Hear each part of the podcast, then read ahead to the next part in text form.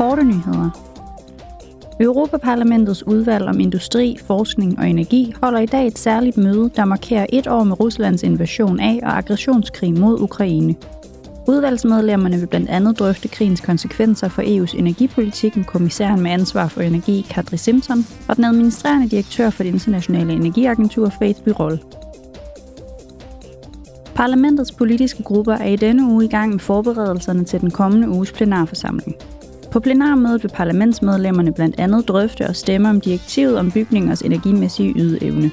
Formålet er at øge renoveringsprocenten og reducere energiforbruget og drivhusgasudledningen.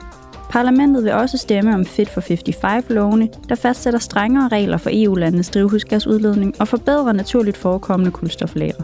Målet er at gøre EU til det første klimaneutrale kontinent senest i 2050.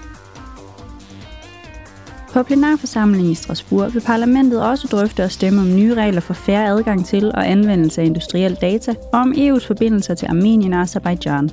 Derudover vil parlamentet drøfte, hvordan man kan sikre energisikkerheden i EU i 2023, markere kvindernes internationale kampdag og afholde en debat med Litauens præsident Gitanas Nausėda, som leder debatrækken Dette er Europa.